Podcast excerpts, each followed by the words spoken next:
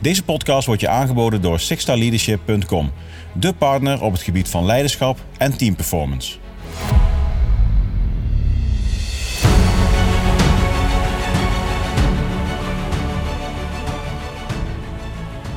Hallo Patrick hier en leuk dat je weer luistert naar de Six Star Leadership podcast. De podcast die uiteraard gaat over leiderschap en teamperformance. De gast van vandaag is Michiel van der Pols. Michiel is ex-marinier. Hij heeft vele jaren daar als officier gediend. Daarna is hij stadsmarinier geweest voor de gemeente Rotterdam. En sinds kort is hij doorbraakcoach. Wat het allemaal inhoudt en wat het verleden voor hem heeft betekend, vertelt hij in dit mooie gesprek. Ik ben te gast in zijn villa in Rotterdam. En ik wens je heel veel plezier bij het luisteren van deze podcast.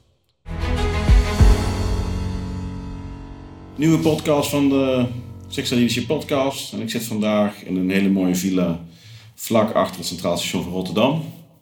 Uh, mijn gast van vandaag, en eigenlijk ben ik ook een beetje zijn gast, want we zitten in zijn, zijn kasteel, is uh, Michiel, Michiel van der Pols. Uh, nou goed, kort na de lancering van de Six Leadership Podcast begin januari kwamen wij in contact met elkaar. Jouw naam kwam al wel bekend voor en plots herinner ik het mij, want je hebt een heel mooi document geschreven over jouw tijd als stadsmarinier. Ja. Dat heb ik destijds al gedownload. En toen kwamen wij na aanleiding van mijn podcast met elkaar in gesprek en, uh, en nu zitten we hier samen. Uh, nou, je bent marinier, ex-marinier, je bent ex-stadsmarinier en nu ben je doorbraakcoach. Ja. ja. Ik denk dat we alles zo meteen gaan bespreken. En uh, ik wil je graag welkom heten in de Six Leadership Podcast. Nou, dankjewel. Leuk dat je hier bent. Ja, tof. Ja. Eerste vraag. Was je vroeger ook al een kooivechter? Nee, helemaal niet nee? zelfs. Nee. Nee, ik was een heel braaf, uh, braaf mannetje. Uh, ik liep heel erg in de pas. Ja. Dat was wel zeg maar mijn uh, manier, denk ik, om als kind... Ehm, nou ja, dat was eigenlijk mijn reactie op mijn jeugd, denk ik. Dat ik heel erg juist braaf was. Heel erg goed omheen kijk van, keek van wat wordt hier van mij verwacht? En, uh, en uh, ja, daar heb ik me heel erg aan aangepast. Kan ik nu, nu zien, hè? maar als kind weet je natuurlijk niet beter. In Rotterdam opgegroeid? Of? Nee, ik, mijn ouders komen wel uit Rotterdam, allebei. En, en, toen mijn ouders kinderen kregen, zijn ze verhuisd naar het Westland. Dat is zeg maar tussen Den Haag en Rotterdam. En een heel klein dorpje. En daar heb ik 18 jaar mogen ronddabberen. en ja, mijn jeugd was uh, dus heel braaf eigenlijk. Ja. Behalve uh, op het moment dat ik uh, ja, echt met vrienden zeg maar, de, de kroeg in ging, in ging. Toen ging het een beetje ontdekken van... hé, hey, wacht, ik heb ook, kan ook mijn eigen ding doen. ja. En wanneer jij bent uiteindelijk bij Defensie gegaan? Ja. Was dat op die 18 dan, die je benoemd? Of? Um, ik heb de keuring gedaan toen ik 17 was. Mm -hmm. En uh, toen net acht, op mijn achttiende verjaardag kreeg ik de brief dat ik aangenomen was. Dat was voor de officiersopleiding van de, van de, van de mariniers. Ja, dat is de, de POTON. Nou, dat is uh, de officiersopleiding. De, de, de beroepsopleiding was uh, het Koninklijk Instituut voor de Marine, KIM. Dat is een vijfjarige universitaire opleiding. In Den Helder is dat? In Den Helder. wat zeg maar het KMA in de Breda is dat voor, voor landmacht en luchtmacht. Dit was nog allemaal zo gescheiden. Ik denk dat het nu allemaal bij elkaar is. En, um, en dan is het tweede jaar van die vijf jaar is de, de praktische opleiding. Dat is die POTON. Ja. Ja, okay. En dan ga je negen maanden maximaal uh, aan het gas. Ja, ja. ja. mooi. Dus je bent eigenlijk van, van brave jongen tot kooivechter. Uh, dat is een heel proces geweest. Ja, heel proces. Heel proces. Uh, maar goed, de reden waarom ik heel graag met jou zit, Michiel, is omdat... ehm, kijk, ik, ik vind het natuurlijk leuk om mensen te spreken die een defensieachtergrond hebben. Mm -hmm en uiteindelijk in het bedrijfsleven bijzondere dingen gaan doen. Ja. Nou, in eerste instantie was dat uh, de stadsmarinier. Ja. Uh, nou, gedurende ons traject tot dit gesprek uh, kwam daar ook doorbraakcoaching bij. Ja, zeker. En uiteindelijk kwam daar jouw podcast Kooivechters bij. Ook nog eens, ja. Dus er is een hoop gebeurd de laatste maanden in jouw mm -hmm. leven. Heel veel, um, ja. Neem mij eens mee in het verhaal van Kooivechter terug naar die brave jongen en, en hoe dat verhaal zich heeft afgespeeld. Ja, uh, dat is meteen de hele aflevering. Ja, maar ja, ik ga het gewoon een grote stappen ja, doen. Ja, ja. Um, nou, wat ik zei, 18, toen ging ik naar het KIM. Vijfjarige opleiding gedaan. Uh, na het KIM heb ik een uh, jaar. Het was mijn eerste operationele functie was als pelotonscommandant op Aruba. Dat was echt, dat was echt een hele mooie tijd. maar ja, ik, ik, en, dan, en dan spreken we over 6, 7, 9? Nee, nee, dus heb ik vijf jaar achter de rug. Dus dan is het 2000. Ja. Toen ben ik vervroegd naar Nederland gegaan om de, de selectieweek te doen voor de bijzondere bijstandseenheid.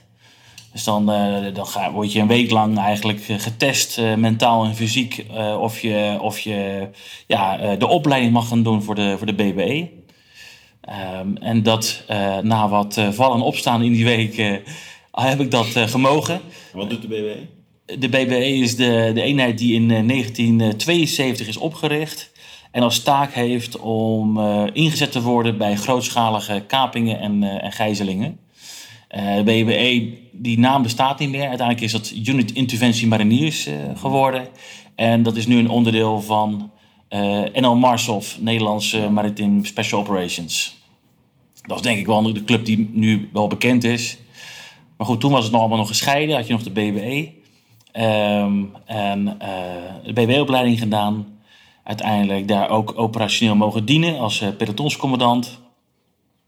Toen diende zich uh, Irak aan. Toen ben ik met uh, S-42, Stabilization Force 2, ben ik uh, vijf maanden naar Irak gegaan als opvolgend kompiescommandant, als kapitein. Na die uitzending weer terug naar de BBE. En daar heb ik, ben ik ehm, trainingsofficier geweest. Dus was ik verantwoordelijk voor alle oefeningen en trainingen. En voor de opleiding. En in mijn laatste functie werd ik major en toen ben ik uh, opvolgend commandant geweest. En dat was in die, in, in die laatste functie, uh, toen werd ook de DSI opgericht, Dienst Speciale Interventies. Dus was voor het eerst dat uh, defensiepersoneel en politie bij elkaar werden gezet in één eenheid. En daar, ja, in, die, in die fase zeg maar, dat het allemaal opgestart werd, ben ik ook nauw betrokken bij geweest. En dat was wel eigenlijk wel heel erg, heel erg leerzaam. Ja. Maar dat, dat is ook de tijd van de opkomst van het, van het terrorisme, mag ik dat zeggen? Nou ja, dat het meer samen moest gaan praten met elkaar? Ja, sowieso was het wel vrij bijzonder dat ik toen ik in de uh, opleiding zat voor de BW in 2001, uh, stonden we op de schietbaan op de Harskamp. En toen kregen we het, uh, het nieuws dat, de, dat de vliegtuigen in de Twin Towers waren gevlogen. En toen besefte ik me heel erg goed van ja, ik heb nu gekozen voor een specialisatie die actueler is dan ooit. En uh, dat was redelijk in het begin van mijn uh, opleiding. En toen, een beetje op het einde van de opleiding, ook op de Harskamp, toen lagen we net een uurtje te slapen na een hele intensieve dag. En toen werd ik wakker gemaakt door de hoofdinstructeur van de opleiding. En die zei, ja, het is, het is alarm en we moeten naar Doorn toe. En ik, ik keek hem aan van, ja, wat voor kutgeintje ben je nou weer aan het uithalen? Weet je, wat een lulverhaal is dit nou weer? Ja. Ik dacht dat het een andere oefening voor de opleiding. Maar het bleek te gaan om uh, een, uh, de dreiging toen bij de tunnels in Rotterdam en Amsterdam. die zijn toen een paar weken bewaakt. Die zijn een tijdje toen bewaakt, en die geen paar, paar, paar dagen. Een paar dagen. En dus stonden we daar als, als opleiding, als cursisten, werden we daar wel bij betrokken. We stonden natuurlijk niet bij die tunnels, maar we waren wel heel dicht bij die operatie. Ja, dus ja, die opleiding was wel gelijk van oké, uh, eh, dit is ook echt nu uh, aan. Dus dat was wel heel erg mooi. En uiteindelijk bij die BBE diverse alarmeringen meegemaakt. Ook een keer een inzet meegemaakt in, in het buitenland. dus ja, dat was een hele bijzondere en, en spannende tijd. Ja, snap ik. Ik stond in Berghonen op de schietbaan. Okay. In Duitsland. Ja, dus toen je dat nieuws kreeg. Ja, ja, ja, En wij hebben toen, ik zat toen, dat vertelde des bij de, bij de tankbataillon, 11 tankbataillon. Dus wij stonden niet op de daken of van de tunnels. Nee. Maar wij stonden standby als het fout zou gaan bij. Ja, ja. Jullie in dit geval. Ja, ja. Dat wij dan met de panzers over de snelweg richting die kant op moesten. Oké. Dat is natuurlijk nooit gebeurd. Nee, gelukkig niet. Nee. Het is wel grappig hoe dat dan uh, tegelijkertijd ja, is gespeeld. Ja, ja, dat gaat zo uh, soms. Uh, even kijken. Ja, en toen was ik ondertussen uh, eh, 30 jaar oud. Had ik uh, eh, 12,5 jaar bij de mariniers gediend. En zoals ik toen ik zeg maar 16, 17 was en voelde van ik, wilde heel graag, ik wil heel graag marinier worden, voelde ik op dat moment ook van volgens mij is het nu tijd voor een, een volgende stap. En ik had op dat moment wel echt meerdere redenen om te zeggen van nou, ik wil toch in de burgermaatschappij eens gaan kijken. Eh, het- nou ja, goed, het is een hele, hele, heel, ik had een hele opsomming. Maar het voelde gewoon op een gegeven moment van ik ben er gewoon, eh, gewoon nu klaar mee. Ik wil toch eens die sprong maken. En ik wist ook van ja, als het me nou niet bevalt, eh, dan kan ik ook terug. Want nou ja, dat werd me ook een paar keer aangegeven. Van als het nou niet bevalt, weet je wel, wees niet bang om terug te keren. Fijn dat het... Dus het was een, was een prettige, prettige basis natuurlijk. En ehm, eh, dat was nog voor de crisis. En toen heb ik een aantal sollicitaties gedaan. Eigenlijk gewoon lukraak. Als het maar met veiligheid te maken had. En eh, eh, nou ja, ik had de luxe om uit drie verschillende functies te mogen kiezen. Ik was voor alle drie aangenomen. En ehm, toen leek me toch die functie in Rotterdam als stadsmarinier leek me heel, de meest interessante. En stadsmarinier, daar is ook heel veel over te doen, over die naam. En dat snap ik ook, want zo reageerde ik er namelijk ook voor het eerst op. Van welke idioot verzint het dat je een functie stadsmarinier noemt. Want ik heb door verschrikkelijk veel hoepels moeten springen om die naam te mogen dragen. En nu gaat een gemeenteambtenaar met die naam er vandoor, welke idioot verzint dat. Welke idioot springt erin? Ja. En nou, ja, eh, dat kwam omdat ik gewezen werd op een advertentie, stadsmarinier gezocht. En ze- hebben één keer een advertentie geplaatst. En die zag ik, heel toevallig. En, eh, en dat was dus, ik, ik las het eigenlijk met van ja, welke idioot verzint dit? Maar toen ik het goed ging lezen, dacht ik van ja, wacht even, dit is wel een functie. eh, het heeft te maken met, met veiligheid. Het is, het is dicht bij huis. Het is met de poten in de klei. Het is aanpakken. een verantwoordelijke baan. Eh, dicht op de burgemeester. eh, ja, echt een verschil kunnen maken. En het betaalde ook nog goed. Ja, dan komt alles samen. En dan komt alles samen. En eh, eh, toen heb ik een, een, een gesprek gevoerd met de toenmalige directeur veiligheid. En ja, die vond het wel interessant om een, om een marinier aan te nemen die dan stadsmarinier zou worden. Ja. Ik kwam van echt- technisch doet dat natuurlijk ook. Dan geef je natuurlijk de naam meteen een... Ja, nou, ik vond het wel echt heel dapper. Ehm, want ik heb me wel eens later ook wel eens afgevraagd van ja, had ik mezelf aangenomen voor deze functie? Omdat ik echt van een totale andere wereld vandaan kwam en helemaal niks wist van eh, hoe werkt zo'n stad, hoe werkt dat, eh, dat, de, de, de politiek met het bestuur en hoe gaat dat spel? Ik kende Rotterdam ook niet heel goed. Mijn familie komt er vandaan en, en ik heb natuurlijk in opleiding gezeten. Maar hoe het nou echt werkt in zo'n stad wist ik helemaal niet gewoon. Dus dat was een enorme eh, sprong in het, eh, in het onbekende. Was dat achteraf je voordeel misschien? Dat je alles opnieuw moest gaan bekijken? Zonder die bevooroordeelde blik van een Rotterdammer die misschien... Nou, ja, ik vind het zelf, zeg maar, in zijn algemeenheid heb ik wel gezien dat het heel erg eh, goed kan werken als je, als je mensen van een andere wereld eh eens naar jouw eigen processen laat kijken. Daar kan je alleen maar van leren. En eh, ehm, dus ja, ik sprong in dat ondiepe in Rotterdam. En, of zeg maar in het onbekende. En ehm, toen hoorde Opstelte hoorde al vrij snel van, eh, dat er een marinier was die eh, stadsmarinier was geworden. En die had me uitgenodigd om een eh, analyse te, te, te presenteren van een van de wijken waar ik al gelijk verantwoordelijk voor werd gemaakt. Want ik zou eigenlijk eerst een, ma of een jaar lang meelopen met een, met een bestaande stadsmarinier, want het is toch echt wel een apart vak. En, dat, en, en dat jaar werd een, eh, werd een week. Beetje kip-konijn. Dus echt defensie. Dus eh, werd, op het laatste moment werd het omgegooid.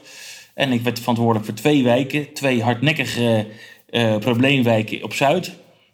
Even eh, ehm, voor de luisteraars en de kijker. En, Ja.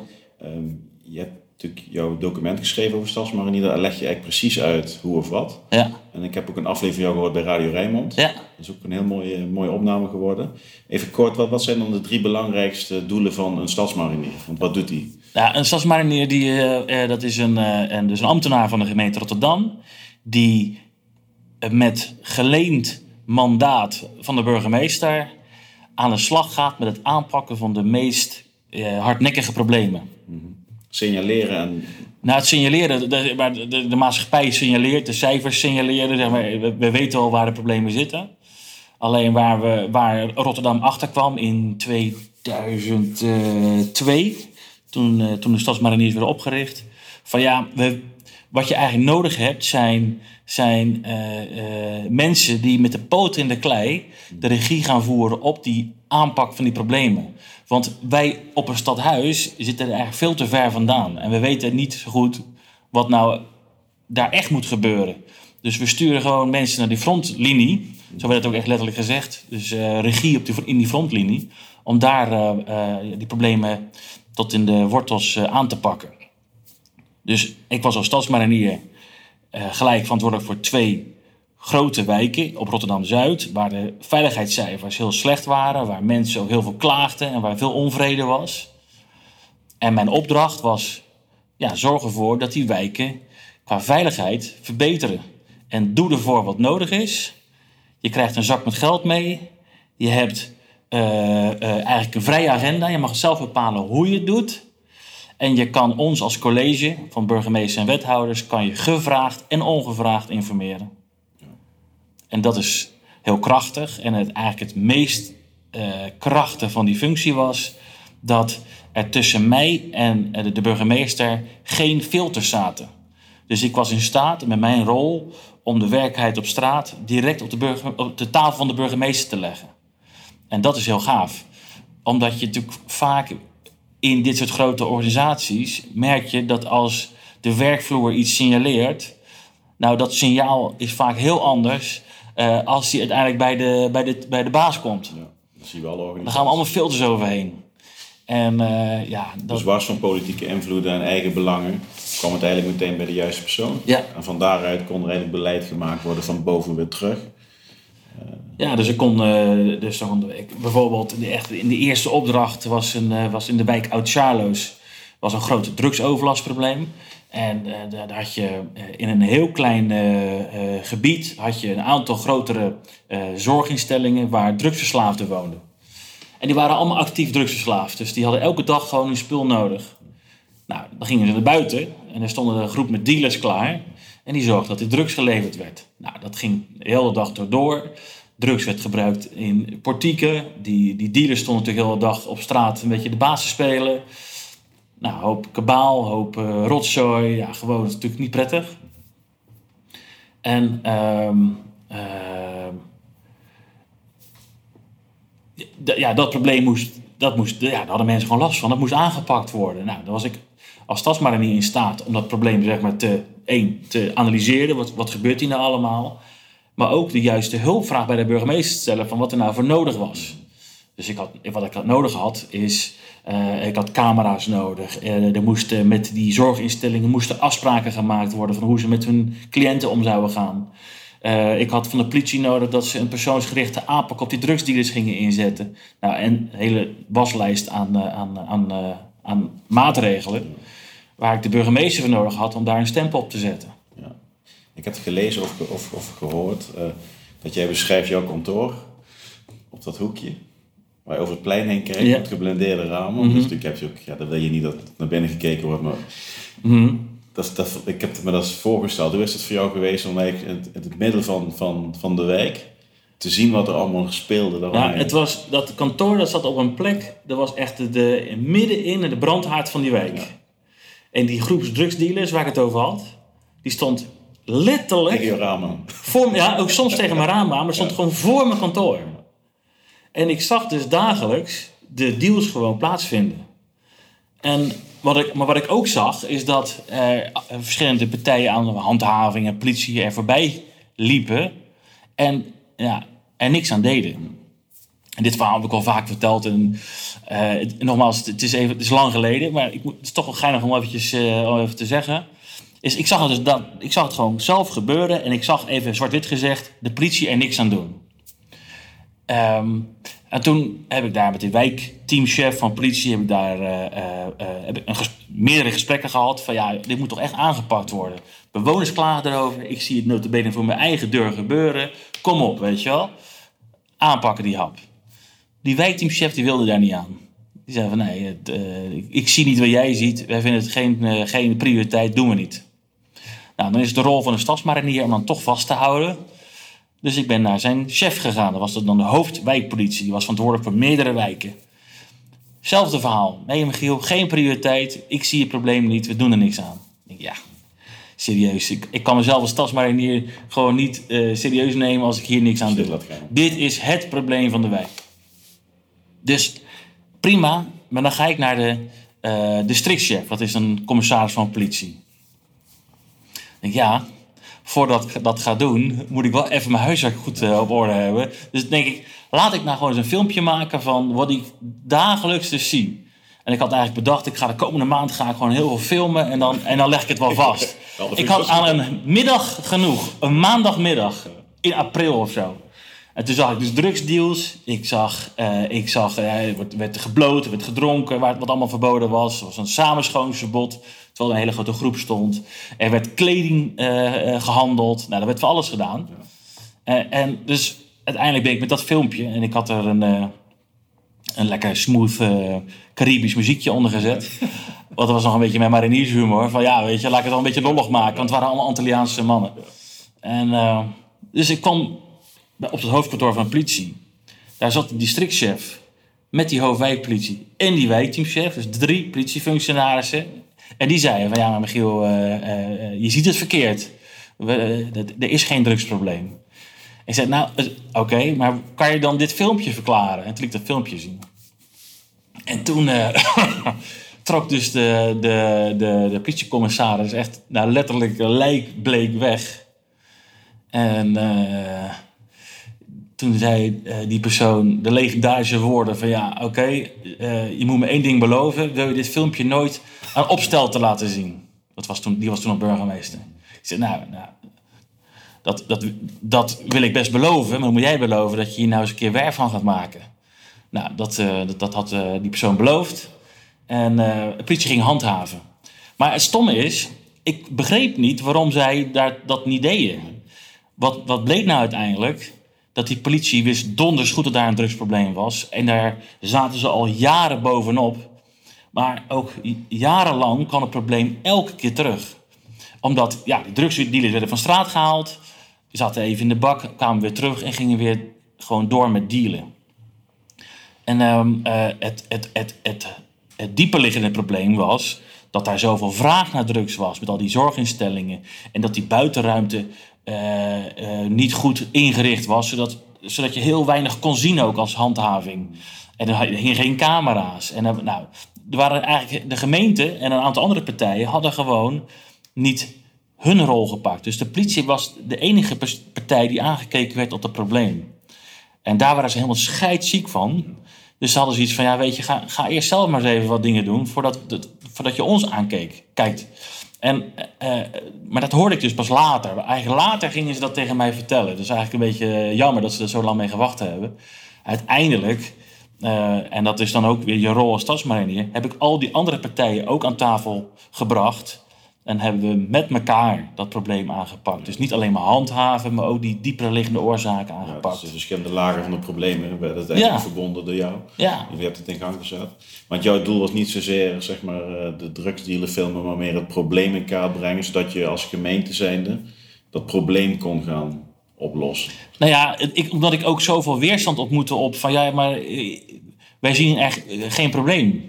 Denk ik, ja, wat, wat nou geen probleem? Ik zie gewoon de, de, nou, de bolletjes drugs, die worden gewoon hier eh, eh, rondgedeeld. Gewoon. Het slaat gewoon nergens op. Snap, Dus- je, snap je nu achteraf waarom ze in jou een heel goed profiel zagen in- voor deze functie? Als je kijkt naar wat je mee hebt gemaakt, de, oplossingen die je gevonden hebt aangedragen, je kijkt naar je verleden als marinier. Nou ja, kijk, waar die, waar die directeur veiligheid denk ik naar op zoek was, was naar een persoon die eh, eh, een rechte rug heeft, eh, niet zo snel eh, eh, bang gemaakt wordt, volhardend is.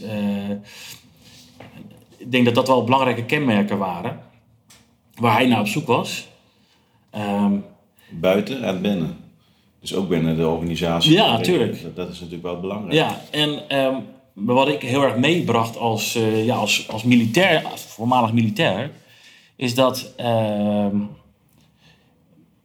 ik gewend was om te opereren in hele complexe, opera in eh, complexe omgevingen. En om daar een, eh, toch eh, een analyse van te maken van die omgeving en focus te, aan te brengen Waardoor zeg maar, ja, uiteindelijk zeg maar, die, dat je die knop identificeert van waar moeten we nou aan draaien om hier het verschil te maken.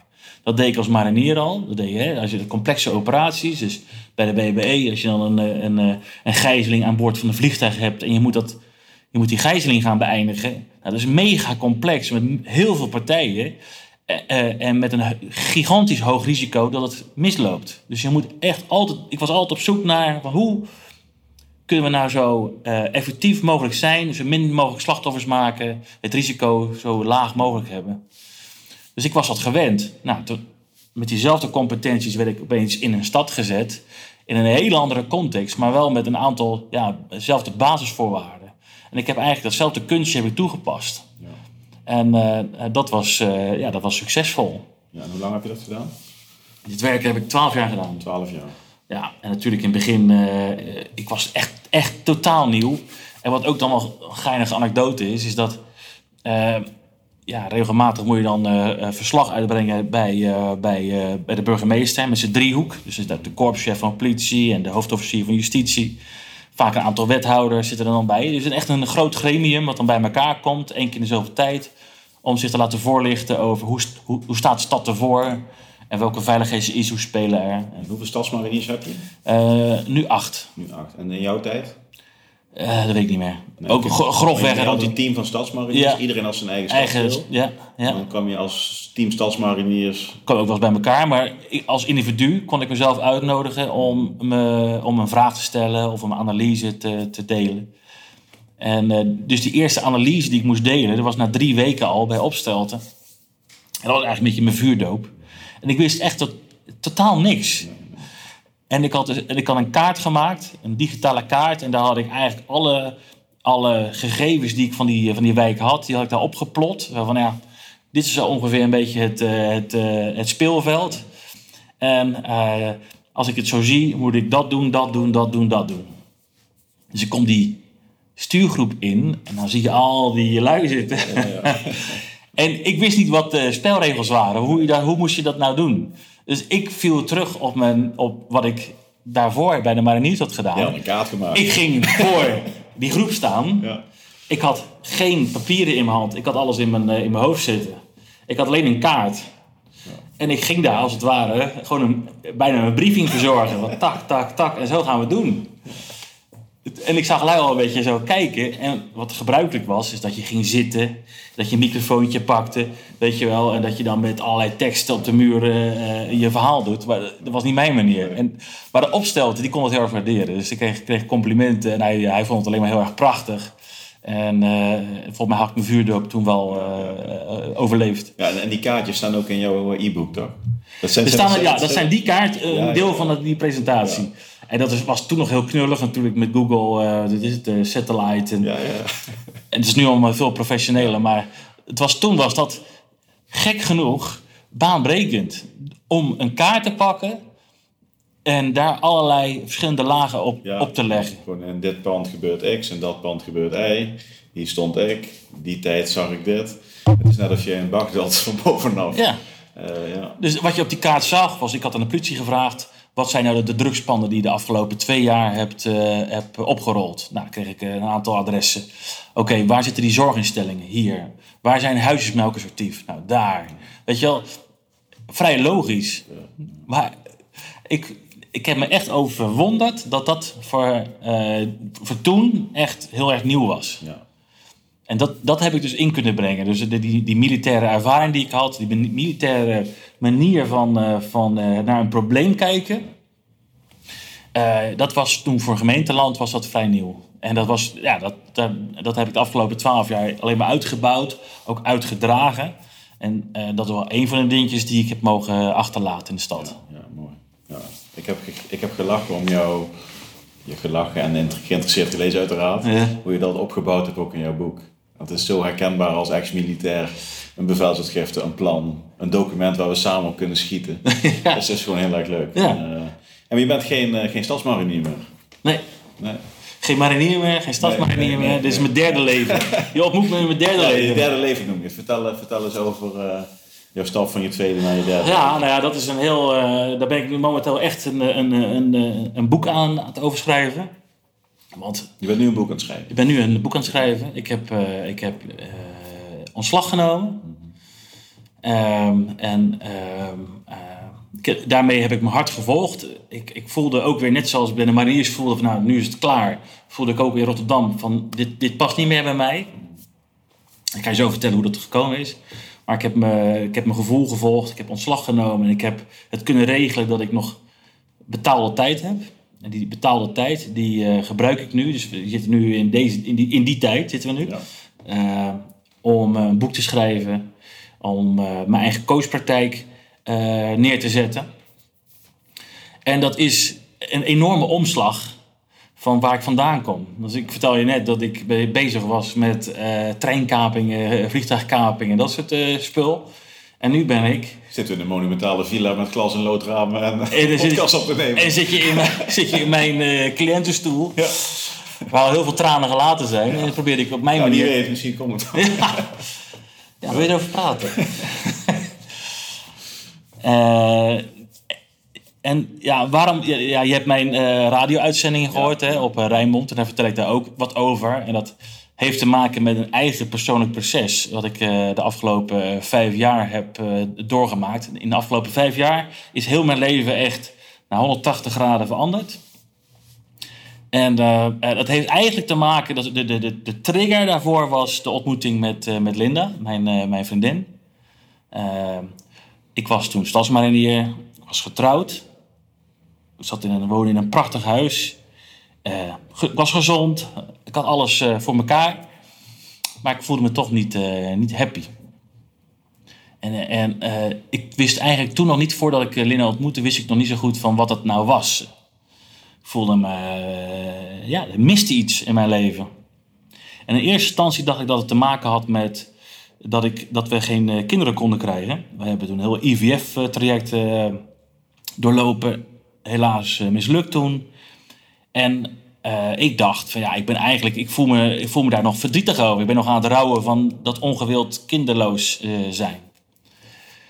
Maar ja, uiteindelijk de, de tijd verstreek. En op een gegeven moment had ik het gevoel van ja, ik heb dat wel nu een plekje gegeven. Ik ben uitgerouwd. En dus dat, dat, dat lege gevoel wat ik heb, dat heeft daar niks mee te maken. Ehm, nou, lang verhaal kort. Ik heb daar best wel een tijdje mee rondgelopen. En echt niet kunnen, kunnen duiden van waar komt dat, dat onbestemde, lege, nare gevoel nou eigenlijk vandaan. Terwijl ik alles voor elkaar heb, weet je wel. De perceptie van alles voor elkaar. Ja, hè, dus ik zat toen nog heel erg in het bewustzijn van uh, met checklistje van alles klopt toch? Dus... En ehm, toen kwam ik eh, op een gegeven moment na een verloop van tijd kwam ik Linda tegen. En eh, niet op zoek, nee, ik was niet op zoek naar een andere vrouw, helemaal niet. Ik was helemaal niet mee bezig, ik wilde dat ook helemaal niet. Maar zij ra- raakte iets in mij wat ik nog nooit eerder had gevoeld. En ik bij haar, bleek eh, achteraf ook.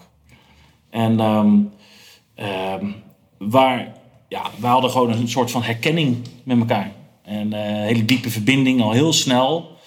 En ik vertelde tegen haar dingen die mijn vrouw nog niet eens wist. Dat was heel apart. Maar ik kwam door die ontmoeting kwam ik heel snel achter dat ik bij Linda eh, een, eh, eh, de Michiel was die ik eigenlijk lang geleden eh, ergens verloren was. Dus ik was eigenlijk ongeremd, kon ik dingen tegen haar zeggen. En ik eh, was weer, zat weer helemaal in mijn, eh, in, mijn, ja, in mijn kracht. Dat lege gevoel had ik ook niet meer. Ik denk, hè? Ik ben eigenlijk mezelf ergens gaandeweg in mijn leven, ben ik mezelf verloren. Eh, en, en dat was dat, dat lege, ge- onbestemde gevoel wat ik eigenlijk die tijd daarvoor had. Dat was eigenlijk dat ik mezelf eigenlijk kwijt was. En ehm, eh, Het was meer dan een kortstondige verliefdheid. Daar kwam je uiteindelijk achter. Ja, kijk, eh, Linda en ik zijn, eh, zijn uiteindelijk bij elkaar gekomen. En dat was een heel intensief, heel intens proces. Want ik was natuurlijk getrouwd en ik had mijn leven helemaal opgebouwd. En ik zat helemaal met de hypotheek en alles zat helemaal vast, als het ware.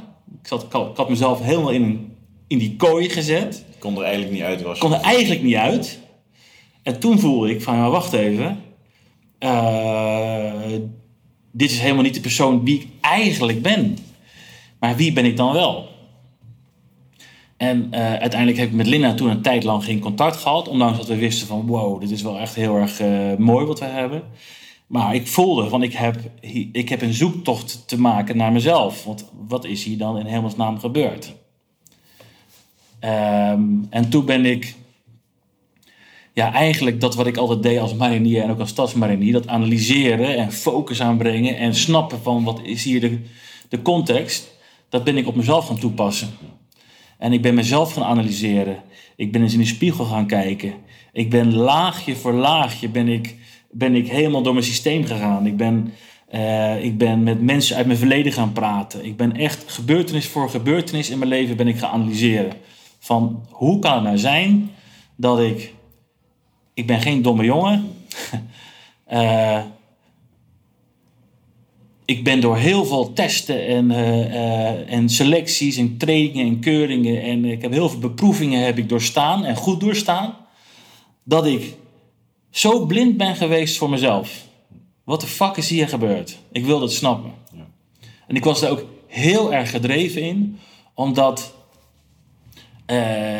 zeg maar, dat en dat zelfonderzoek bedoel je? Nee, dus was ik ontzettend gedreven. Omdat ik in mijn historie had ik al meerdere... Uh, ik had echt een patroon van relatie, relatie stoppen, nieuw, heel snel nieuwe relatie, weer een huis kopen en helemaal vastzetten. Oh, dit is het toch ook niet? Nou, ik had drie keer daarvoor al een, een, relatie gehad en gedacht, dit, dit, is het. En bleek het toch niet zo te zijn. Dus ik was nu, dit was ongeveer de, was zeg maar de vierde keer dat ik die smek in mijn face kreeg. En uh, ik denk, dit gaat niet nog een keer gebeuren. Dus ik, moet, ik wil mezelf snappen. Ik, wil weten wat er in mijn leven is gebeurd, dat ik mezelf ben kwijtgeraakt. En nou, die zoektocht die heeft me op heel veel bizarre plekken gebracht. Ja, en daar gaat, dat, daar gaat mijn boek ook over. Van, ja, hoe heb ik dat nou gedaan en wat heb ik daarin geleerd? En, maar het heeft me uiteindelijk gebracht dat ik uh, mezelf uh, veel beter snap. Dat ik weet um, dat ik eigenlijk mijn leven snap. Ik snap hoe mijn leven gelopen is. En dat ik, ik snap hoe ik daarop gereageerd heb. Dat het me steeds verder van mezelf heeft uh, weggebracht. Dus uiteindelijk heb ik in die zoektocht weer het contact met mezelf gemaakt. Echt met mijn kern, met mijn ware ik. En daar ben ik nu vanuit aan het, ja, mijn nieuwe stap aan het zetten. Ja. En dat heeft me nu gebracht dat ik uiteindelijk ben ik gaan scheiden. Want dat paste niet meer. Dat was helemaal uit balans, die relatie. Ik ben ergens anders gaan wonen. Ik ben uiteindelijk met Linda samengekomen. Ik ben uiteindelijk papa geworden. Dat was ook vrij, vrij bizar. Want dat had ik helemaal niet meer verwacht.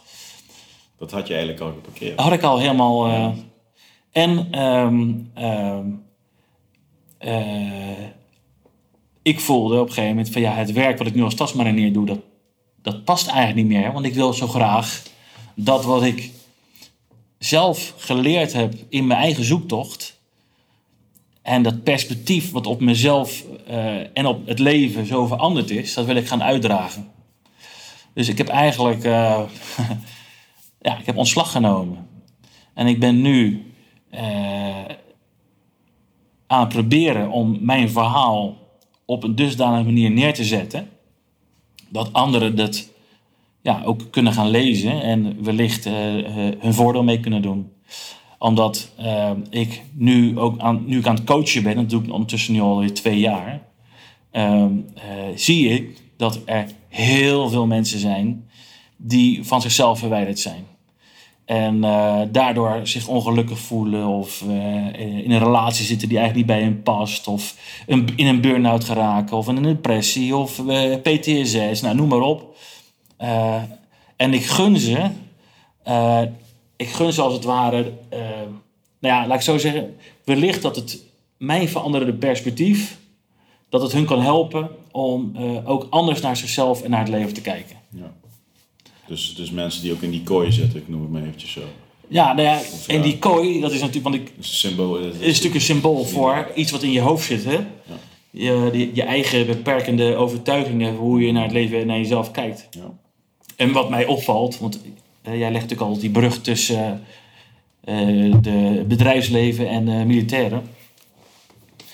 Ja, wat ik nu, nu ik mijn eigen onderneming heb, uh, merk ik dat dat natuurlijk ook heel veel uh, militairen trekt. Oud-militairen, uh, politiemensen. dus die komen heel veel, ook oud-collega's komen hier. En ehm, de absolute rode draad eigenlijk in al die gesprekken is dat ze zichzelf kwijt zijn. Dat ze weer eigenlijk op zoek zijn naar zichzelf. En dat, eh, en dat ze, omdat ze jarenlang dat uniform hebben gedragen, uh, dat ze eigenlijk niet zo goed weten wie ze zijn zonder dat uniform. En dat, ze hun eigen identiteit heel gekoppeld hebben aan die rol van militair of politieman. En dat lostrekken van elkaar, van ja, oké, natuurlijk heb je die rol van, van militair heel lang gehad. En dat heb je ook met verven waarschijnlijk gedaan. Maar wie is nou toch uh, die persoon die in dat uniform zit? Wie ben je nou werkelijk echt? En, en daar worstelen heel veel uh, oud-collega's uh, worstelen daarmee. Ja. Ja. En ik vind het echt super mooi om daar, om daar een, ja, een, die mensen te mogen helpen. Ja. Heel mooi, Michiel. En, en, en is loyaliteit naar de baas dan misschien een verkapte manier om te voorkomen dat je misschien zelf op zoek gaat naar je echte identiteit? Ja, zoals ik noem het, ja, ik ben, lo ik ben loyaal. En we gaan weer door, zeg maar. Nou ja, uh, dat klinkt heel erg als um, ik, heb mijn, ik heb de leiding vanuit buiten mezelf nodig. Dus ik heb anderen nodig uh, om mij te gidsen door het leven. Als ik maar die anderen volg, dan, uh, dan komt dat wel goed. Mm -hmm. Terwijl je natuurlijk de leiding over je eigen leven hebt. Dus het is eigenlijk heel. Kijk, om, om militair te worden, moet je door heel veel hoepels heen. En moet je ook echt wel eventjes. ja, word je, word je echt even aan, het, aan, je, aan, aan je tand. Hoe dat? je wordt eventjes flink getest. Ja. Uiteindelijk, als je militair bent, dan zit je in een soort, soort cultuur waar heel duidelijk is van wat er van je verwacht wordt, hoe je hebt te gedragen, hoe je je hebt te kleden, hoe je je kapsel moet hebben, bijna hoe je moet denken. Het is een, het, het, en dat is logisch. Het, is, het, is een, het, is een, eh, een, het militaire apparaat heeft, moet klaarstaan voor, ja, extreme, uh, voor een extreme taakstelling. En ik ben blij dat, dat de Defensie er is, hè, want uh, echt, ik ben daar heel dankbaar voor. Um, die extreme taakstelling maakt dat je van elkaar moet aankunnen en dat je elkaar moet kunnen vertrouwen. En dat je ook weet van dat wat we hebben afgesproken, wordt ook gewoon gedaan. Want je kan het gewoon niet hebben dat als, je, als het een keer serieus is, dat één lid van het team zegt: we gaan, Ik ga naar links en ga jullie maar naar rechts. Dat kan je niet hebben. Dat is voor het individu niet goed. Maar die ene acties van het individu slaan ook op die groep. Het is gelijk, gelijk levensbedreigend voor die groep. De dus het, komt denk ik vraag. Het is dus logisch dat je, uh, als je militair bent, dat je heel erg goed van elkaar weet wat je doet. Het is als het ware dat je een, met elkaar een soort van uh, groepsidentiteit hebt. En ik snap dat. Dat is gewoon compleet logisch vanuit het militaire apparaat bedacht. Het gevaar echter alleen is, is dat er vaak jonge, uh, jongens en meisjes militair worden die eigenlijk nog helemaal niet zo goed weten van wie ze zelf zijn. Die hebben nog heel weinig eigen identiteit. En dat ze uh, bij defensie denken van ja, ik ben dus militair. Ik mijn identiteit is militair. En dus helemaal meegaan in die groepsidentiteit. En daar ook, uh, nou, sommige mensen kunnen daar heel hun leven in zitten. Maar je hebt ook mensen, en daar ben ik zelf ook eentje van, die op een gegeven moment uh, voelen van wacht even, dit is wel uh, allemaal heel erg leuk hoor, dit. En ik zit hier op een heel mooi eiland als het ware, waar we allemaal van elkaar weten wat we elkaar hebben. Maar wie ben ik nou zelf? En dat was uiteindelijk, als ik er nu op terugkijk, voor mij de reden om Defensie echt te verlaten. Namelijk dat ik eigenlijk wilde weten wie ben ik zonder dat uniform. En uh, ik, ja, ik zou het echt heel erg goed vinden als uh, Defensie wat meer aandacht gaat hebben voor, uh, voor meer de mens achter het uniform.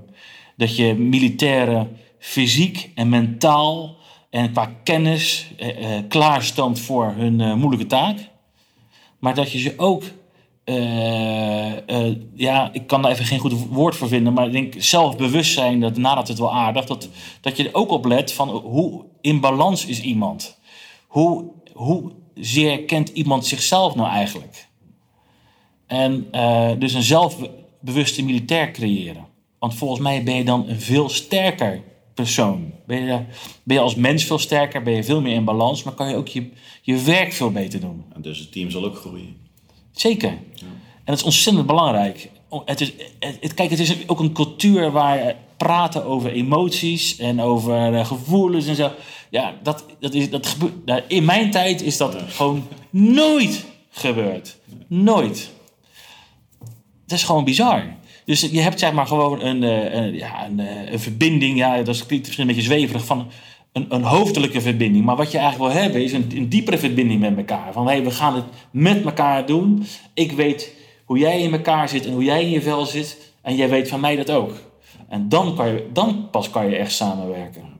En ik heb hier verhalen gehad van militairen. Nou, één verhaal staat er nog heel erg voor de geest. Daar heb ik een keer een blog over geschreven.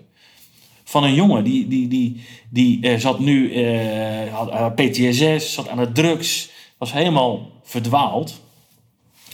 En die, die jongen had in Afghanistan gezeten. En in het begin van zijn term ehm, lag hij bij een roodblok. En had hij dus taak om auto's uh, ja, tegen te houden. Hè. Er mochten een bepaalde. Op een, uh, nou, auto's mochten niet uh, dichterbij komen dan zoveel meter. En op een gegeven moment was er een voertuig. Die, die stopte. En dat vonden ze al een beetje raar. En uiteindelijk ging het voertuig toch rijden. En die passeerde op een gegeven moment zeg maar, de, de, de, de denkbeeldige lijn. Van ja, als hij dat passeert, dan, dan mag ik schieten. Mijn rules of engagement geven aan, ik mag schieten. Want die auto vormt een gevaar. Want de kans dat zo'n auto uiteindelijk ook een, een, een ID is, of noem je dat, met explosieven is, uh, dat, die was vrij reëel toen. En op het moment dat hij eigenlijk gerechtig was om te schieten, blokkeerde hij. En schoot hij niet. En die auto kwam dichterbij, dichterbij. En op het laatste moment heeft die auto is toch geremd en is omgekeerd. Waarschijnlijk een stukje provo provocatie. Maar jongen die, die, die, die was daar zoveel in de war. Die was zo geschrokken van zijn eigen bevriezen. Dat hij zichzelf al enorm veroordeeld heeft. En die heeft de rest van de term heeft hij dat proberen te compenseren. Door juist heel erg, heel erg veel geweld toe te passen. Deuren in te trappen en ja, dingen te doen die eigenlijk weer buiten die rules of engagement waren. Omdat hij wilde laten zien aan de buitenwereld van kijk, ik ben wel die harde militair en ik, ik acteer heus wel. En um, nou, na die uitzending is hij eigenlijk daar heel erg van, de, van, van slag van geraakt. Uh, PTSS, uh, nogmaals aan de drugs geraakt. En hij komt bij mij. En wat blijkt nou eigenlijk, is van ja, deze jongen die uh, toen hij militair werd, was hij eigenlijk als, als jonge, jonge knul, was hij al uit balans. Hij, de reden om militair te worden was eigenlijk meer een soort van vlucht. En in de kern was het juist een hele zachtaardige, uh, betrokken, uh, gevoelige jongen. Maar hij heeft in dat militaire apparaat heeft hij juist de rol aangenomen. Nou, ik ben die stoere ijzervreter. Maar op het moment dat het er echt om ging en hij moest die trekken overhalen, kwam eigenlijk zijn ware kern naar boven en blokkeerde die. En, en ja, dat, dat moet je ook als defensie niet willen. je, wil, je, moet, je moet het als persoon niet willen voor jezelf. Je moet, als je militair bent, wil je daar met, met, met van kruin tot teen zeg maar, achter staan. Maar je moet ook als defensie dit soort situaties kan je voorkomen. Door juist heel erg te kijken van ja, hoe, hoe, hoe, ben je, hoe, hoe is je balans en wie, wie ben je nou werkelijk echt?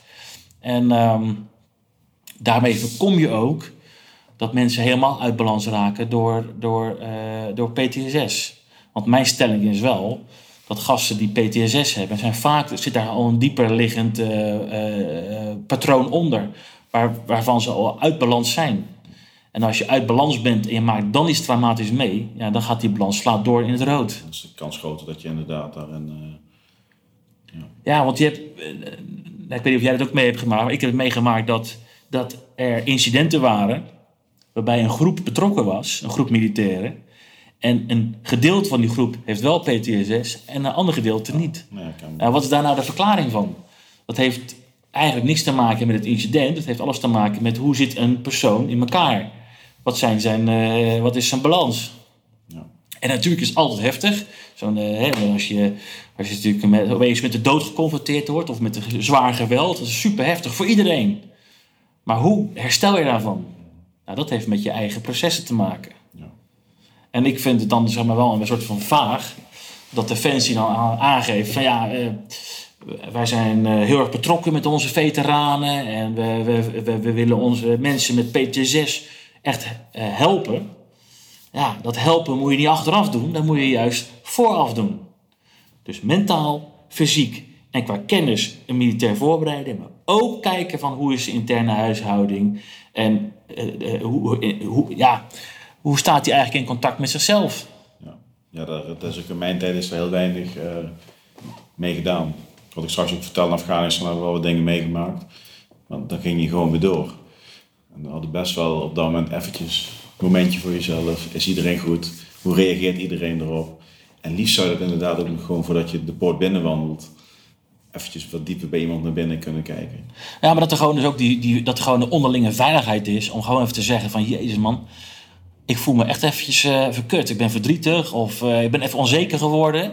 Van, dat is ook professionaliteit. Hè? Dus dat je gewoon aangeeft wat je, hoe, je, hoe, je, hoe je erin zit.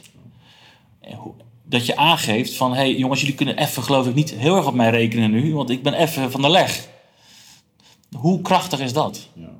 En ehm, eh, ja, ik, heb, ik heb gelukkig bij groep een eenheid gewerkt waar dat kon. Ehm, eh, ook waar het wat minder vanzelfsprekend was. Dus het kan ontstaan vanuit de mensen zelf, eh, dat proces. Maar het is niet zo dat dat vanuit Defensie breed onderdeel is van het groepsproces of het individuele verwerkingsproces. Kijk, en dat is denk ik wat jij met name ook bedoelt. Nou ja, en als ik naar mezelf kijk, ik was in die tijd als marinier, was ik al, stond ik al heel slecht in contact met mijn eigen gevoel. Dat is mijn patroon geweest, met mijn op, opgroeien.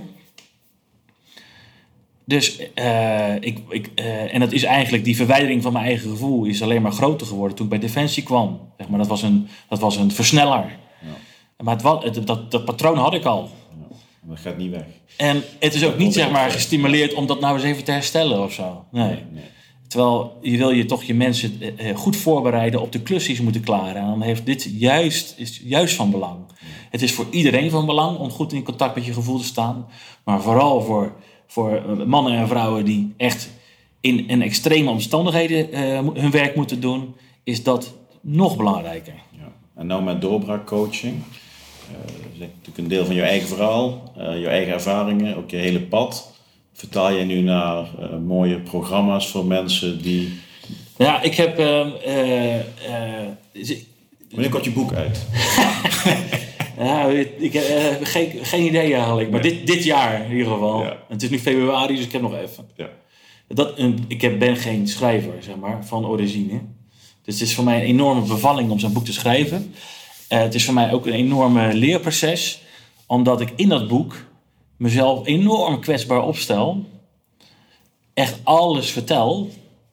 En ik ga ook naar gebieden toe die voor heel veel mensen zeg maar, eh, eh, ja, weggezet worden als zweverig en, eh, en spiritueel. Maar ja, dus ik, ik ga die, die, die. Het is voor mij zeg maar ook zelf een drempel. Ik moet een drempel over om dat allemaal op te schrijven. Maar omdat ik er zo in geloof en dat het mezelf zoveel gebracht heeft, doe ik het toch. En nou ja, fuck het dan maar. Maar ik denk dat, het, dat, dat mijn eigen proces, dat het, eh, ja, eh, het zou inspirerend kunnen zijn voor anderen. En ehm, n- na mijn eigen zoektocht had ik dus het gevoel van ik wil dat doorgeven aan anderen. Ik wil anderen hier ook mee helpen, omdat het mij zoveel gebracht heeft. Eh, maar weet je, ik ben geen coach en eh, ik heb ook helemaal eh, geen zin om allerlei eh, lange trajecten te doen. Ik ben juist meer iemand van eh, snel tot de kern, no nonsense, eh, eh, heel gedreven. Eh, eigenlijk hoe ik mijn werk altijd gedaan heb, dat wilde ik ook als, ja, in, in, in mijn nieuwe rol gaan doen. Toen vond ik doorbraakcoach vond ik eigenlijk wel een heel mooi, eh, benaming. Want dat geeft wel aan van, we gaan, weet je wel, we breken er wel gewoon even doorheen. Dus er zit kracht achter, er zit, er zit energie op. En ehm, ehm, het was even een proces voor mezelf van, ja, hoe kan ik nou trouw zijn aan mezelf en, dan, en, dan, en, een, en een manier vinden om anderen te helpen. Um, en daar is uh, die, een, doorbraakmethodiek uit voortgekomen, waarbij ik binnen drie uur uh, uh, samen met iemand anders, samen met de persoon, eh, zijn leven doorneem. Helemaal analyseer van wat, wat is hier nou gebeurd? Hoe heb je altijd op situaties in je leven gereageerd? En, en, en waar heeft het je nu gebracht? Welk patroon ligt daaronder? Waar komt dat patroon ook vandaan? Dan wordt dus duidelijk van uh, wat je patroon is, waar het vandaan komt. En uiteindelijk wordt ook duidelijk, wat heb ik nou te doen om dat patroon te doorbreken en weer het contact met mezelf te herstellen. Dus de mensen die bij mij komen zijn allemaal mensen die op een of andere manier ergens in hun leven dat contact met zichzelf hebben verloren. En daardoor nu in in in in een vorm van crisis zitten. En dat doe ik dus binnen drie uur. En dan gebruik ik mijn eigen analytische vermogen. Ik, uh, ik, ik heb natuurlijk een aantal uh, uh, principes waar ik vanuit werk. Die ik in mijn eigen zoektocht heb ontdekt. Die ook in mijn boek voorkomen. Maar ik gebruik ook heel erg juist mijn gevoel. Dat wat ik al die jaren op de achtergrond heb gedrukt. Dat gebruik ik nu juist om anderen te helpen. Ja. Want ik, mijn gevoel is juist heel erg scherp. Ja. Het is gewoon eigenlijk uh, best bizar dat ik dat al die jaren zo heb uitgezet. En daar ben ik dus eigenlijk achter gekomen in mijn zoektocht. Ik heb me, als kind heb ik mijn eigen ja, sensoren, mijn eigen antennes, mijn gevoel heb ik heel erg uitgezet. Terwijl dat juist een van mijn uh, ja, vaardigheden is. Ja. En je voelt het extra sterk nu omdat het terug is. Ja, hij is terug en ik, herken, ik erken het. En ik gebruik het heel sterk. Dus ik heb wel coachopleidingen gedaan. En ik snap ook echt wel hoe dat werkt tussen een coach en een coachie. Ik ken die principes. Maar mijn, wat, ik, ja, wat, ik, wat ik voornamelijk inbreng is mijn eigen ja, sensitiviteit. Ja, heel mooi. En dat is dus wel, ja, die omslag is vrij groot. En daarom voel ik ook de drang van, dit moet ik opschrijven. Om het één ook voor mezelf allemaal nog eens een beetje te begrijpen. Maar ook om dat uit te kunnen dragen. Ja. Maar ik denk dat het je ook beter maakt in wat je doet als je in zo'n boekproces zit. Ik denk dat je dan ook zelf weer naar een hoger niveau groeit. Uh, in, in, je coachingproces met, jou, ja. met je coaches eigenlijk. En ik heb het nu echt uh, nou, een paar honderd mensen mogen coachen op deze manier, met, met deze methodiek. En ja, ik zie dat het werkt. Dus ik ben er erg ja, zo enthousiast over. Oh, wat, wat, wat gebeurt er na die drie uur dan? Je bent drie uur gaan... Nou, dan is, zijn we allebei zijn we verrot. Ja, want het is heel intensief. Ja. Uh, maar wat er gebeurt is dat eigenlijk in dus een relatief korte tijd iemand zijn leven helemaal begrijpt. Van nou begrijp ik hoe het zat, hoe, wat, hoe de dynamiek thuis was. En hoe ik daar als jong kind op gereageerd heb. Ik begrijp dat ik vanuit die reactie deze en deze en deze stappen heb gezet. Ik begrijp nu waarom ik met deze uh, partner ben. Of ik begrijp nu waarom ik, waarom, waarom ik het nou niet meer naar mijn zin heb op mijn werk. Ik begrijp nu dat ik zelf die sleutel van het leven in handen heb. Dat ik zelf de stuur in handen heb, zeg maar. En dat ik, als ik uh, weer gelukkig wil worden, of ik wil mezelf weer vinden, dat ik dat. Ik heb nu handvatten gekregen om dat te doen. Ja. Want uh, welke, welke therapeut, psycholoog, coach, hulplijn je ook gebruikt, uh, het zijn alleen maar spiegels. je hebt zelf, uh, je hebt, je, het is aan jezelf wat je met al die spiegels, of je daarin wil kijken en, en wat je daarmee doet. Dus ik probeer juist in drie uur tijd iemand zo een smack in de face te geven, dat je, dat je wakker wordt en denk ja maar fuck, maar nou weet ik wat ik moet doen. Zelf moet doen. En ik wil je best nog wel even meenemen in dat proces. Ik wil je best wel je hulplijntje nog even blijven. Maar de bottom line is, eigenlijk kan je na drie uur, kan je het zelf. Omdat het zo crystal clear is wat je hebt te doen. Ja. Omdat, dat is mijn methodiek. Daar sta ik voor. Uh, sommige mensen vinden dat misschien heel, uh, heel spannend. Ik, sommige mensen komen hier ook bijna een beetje zo met angst en beven van fuck. Nou komt er een oud marinier en ik ga even door, uh, door die methodiek heen. Nou, het is ook pittig, maar het is wel echt heel effectief. Ja, en, en die drie uur creëert dus ook dat iemand dan weet waar zijn vervolgstappen liggen. Dat Zeker. proactief op zoek gaat. Ja. Dus je maakt eigenlijk de muur kapot. En hij ziet eigenlijk datgene wat hij nooit gezien heeft. En dan vindt hij zijn pad wel. Ja, en we identificeren ook de eerste stap. Hè? Dus, eh, dus nou, nou Ja, heb je die, je die Je inzichten. gooit ze niet in drie uur de Nee, dus wat is nou je eerste stap? Ja. Wat ga je nu concreet doen? Ja, oké. En, dat is, eh, en dan is het natuurlijk aan de, aan de mensen zelf, maar dat is altijd zo. Van wat je, wat je uiteindelijk met die inzichten gaat, eh, gaat doen. Maar omdat het zo impactvol is wat hier gebeurt, ja, het klinkt natuurlijk een beetje als eh, op jezelf de borst kloppen, maar ik zie het gewoon gebeuren. Nee, Het is- ik, ik, ik, ik denk, ik zie het voor me. en dat je gewoon eigenlijk niet meer anders kan dan die inzichten toepassen. Omdat je hebt gezien dat als je dat namelijk niet doet, als je gewoon maar in diezelfde groef blijft zitten, ja, dan, dan, dan ga je nog verder van huis. Ja. Ik, heb, ik heb hier laatst iemand gehad die had drie burn-outs. Daarna had hij een eh, herseninfarct gekregen. Ja, weet je, die had tak, tak, tak, vier keer dus een signaal eh, eh, gehad en genegeerd. Weet je wel, ja. Als je dat soort patronen mag blootleggen en als je ook mag duiden van wat heb je nou elke keer, wat doe je nou elke keer dus niet, wat je nu wel moet doen, dan kan je die spiraal doorbreken. Ja, ja. En dat is prachtig. Maar ja, ik, het is gewoon, het, het- voor mij is het gewoon super mooi dat ik na een, een, een, een roerig privéleven van, eh, van eh, jaren, ook een bijzonder eh, werkleven, dat ik dat nu allemaal bij elkaar breng. En dat ik nu dus mensen mag helpen met mijn eigen inzichten. Dat is gewoon, dat is zo dankbaar werk. En dat heeft dus echt gemaakt dat ik dus die stap heb durven nemen van ontslag nemen. En fuck, ik moet hier gewoon al mijn energie en tijd op gaan zetten om dit te gaan, eh, gaan eh, ja, eh, uitdragen. ja, mooi. En dat vind ik wel spannend, want dan gaat ook weer mijn eigen eh, ego gaat heel erg spelen. Van ja, maar man, je moet salaris hebben en, eh, en, eh, en wat als je je gek verklaren. Nou, al die stemmetjes zitten allemaal in mijn hoofd.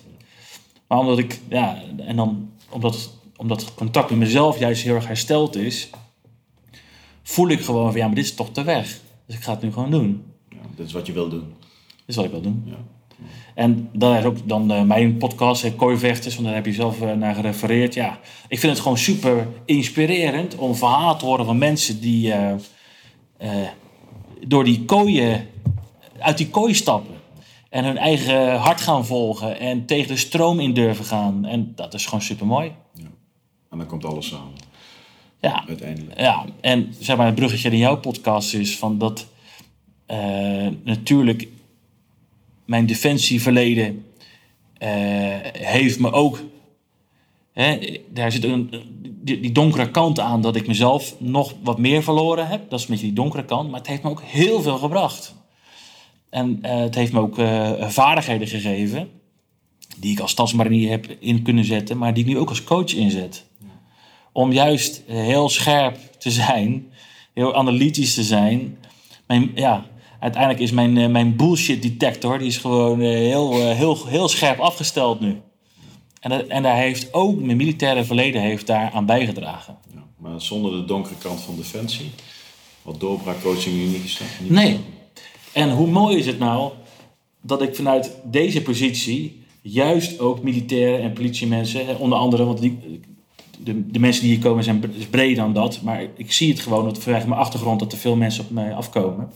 Hoe gaaf is het dat ik dan zeg maar eh, die inzichten mag, eh, mag doorgeven? En ik hoop uiteindelijk, maar dat is, ja, dat, daar zal ik misschien een klein steentje aan bijdragen. Maar ik hoop dat er veel meer eh, eh, militairen, oud-militairen opstaan die zeggen van ja, wacht even, we moeten ook eens even wat meer aandacht hebben voor die menskant. En ik zie het ook gebeuren. Je hebt ook Arie van Inge heb je natuurlijk gesproken, een mooi, mooi interview. Ja, ik zie het hem ook doen.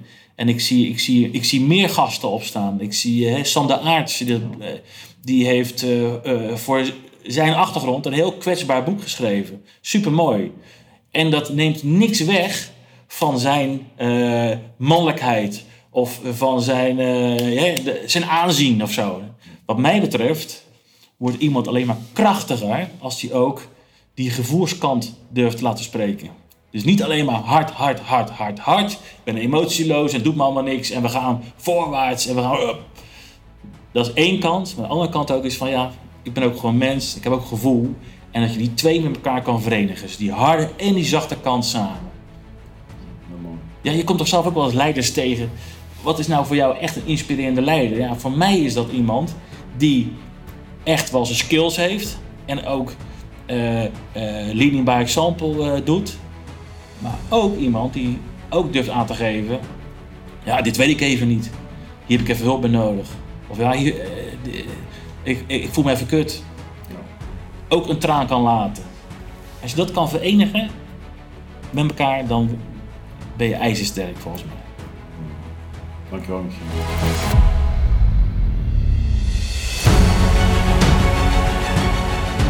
En dan komt er weer een einde aan het gesprek met Michiel van der Pols. Een heel mooi verhaal waarin je ziet hoe je als marinier uiteindelijk via de overheid heel veel kunt leren en dan door kunt stomen naar je eigen organisatie. Doorbraakcoaching.com voor meer informatie. Ik wil Michiel bedanken, ik wil jou bedanken als luisteraar. Wij hebben er weer van genoten. Vind je het een leuke podcast? Laat dan een review achter en abonneer je op een van de kanalen waarin je dit gesprek kunt luisteren of kunt zien. Hoe meer volgers en reviews, hoe meer mensen wij kunnen bereiken. En daar gaat het ons om. Patrick hier. Einde bericht.